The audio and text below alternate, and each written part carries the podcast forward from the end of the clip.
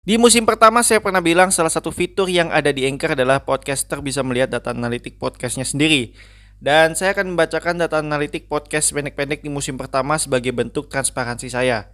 Sebagai informasi, data analitik di Anchor sumbernya dari Spotify. Ya, baik, langsung saja. Total pemutaran ada 110, episode teratas jatuh kepada podcast pendek-pendek bacakan 10 besar podcast teratas Spotify dengan 11 kali pemutaran. Kemudian secara geografis pendengar podcast pendek-pendek 100% berasal dari Indonesia. Dari platform 51% mendengarkan di Anchor, 37% mendengarkan di Spotify dan 10% mendengarkan di platform lainnya. Kemudian secara demografi 2% berusia 0 sampai 17 tahun, 17% berusia 23 sampai 27 tahun, 75% berusia 28 sampai 34 tahun dan 4% berusia 45 sampai 59 tahun.